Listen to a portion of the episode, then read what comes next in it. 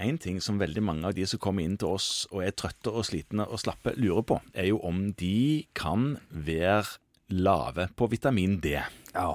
Og da pleier jo jeg å si at det kan jo være hvis du spiser litt lite av det. Hva om du prøver å spise mer? ja. Og så gjør man det, og så ser man om det hjelper litt på slappheten. Det gjør det jo heller ikke, fordi at slappheten er jo svært ofte relatert til helt andre ting enn D-vitaminene. Men, men mitt poeng var det, må man ta den vitamin D-prøven? Nei, det kan man godt la være. Men sett at man har gjort det, da.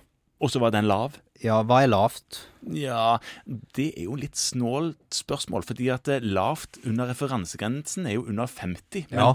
når man hører endokrinologene snakke, og når man leser retningslinjer, så sier jo egentlig 75. Ja, de sier at den bør ligge over 75. Men så er det interessant, for det, det har jo annet gjort en studie i, i Sverige, riktignok på gravide, da, men der fant man altså at i vinterhalvåret så var andelen med D-vitamin under 50 var på 85 Ja, det var jo, det var jo betydelig. Ja, og det passer egentlig med en del andre studier som er gjort òg, som viser at, at hvis man har bosatt seg langt nord, der solen sjelden skinner, og hvis man bor i Stavanger der solen Nei, det har ikke så mye å si, for det er UV-stråling det handler om, ikke bare solen.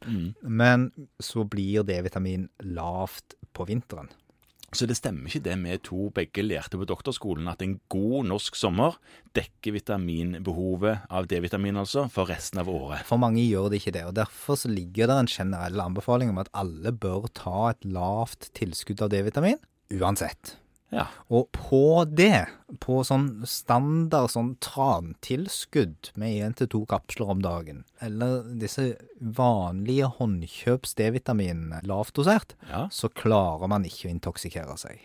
Nei, hvor mye, Det er ikke så mye D-vitamin i dette her, egentlig. Nei, det er veldig lite, altså. Det er jo altså 800 enheter i den laveste tabletten som skrives ut, og ofte er det under halvparten av det i de kosttilskuddene. Ja, nettopp. Ja.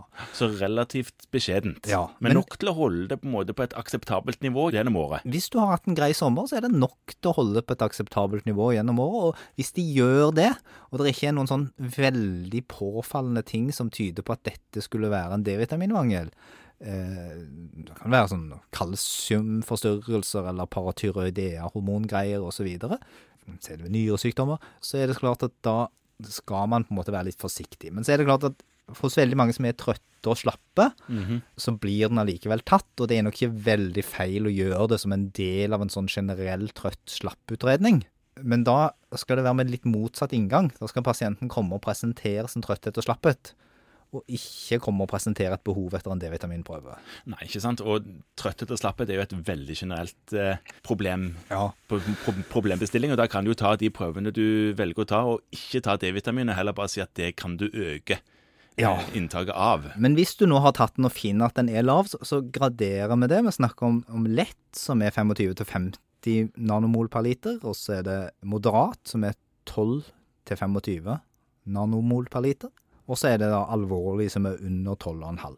Ja, da, det er jo verdier jeg ser sjeldent, men jeg har sett det. Ser man sjelden, det har man sett. Og da, da er det klart at da må man gi litt mer tilskudd. Det er jo eh, kolekalsiferol vel, som er D-vitaminet som noen ganger i alle fall gis i disse tilskuddene som man tar i tablettform. Ja, Og det er ofte oppgitt i sånn internasjonale enheter. det stemmer. 800, 2000 og 4000 eller noe sånt. Ja, det tilsvarer da 20, 50 og 100 mikrogram. Ja, disse henholdsvis eh, 800, 2000 og 4000 internasjonale enheter. Det stemmer. Mhm.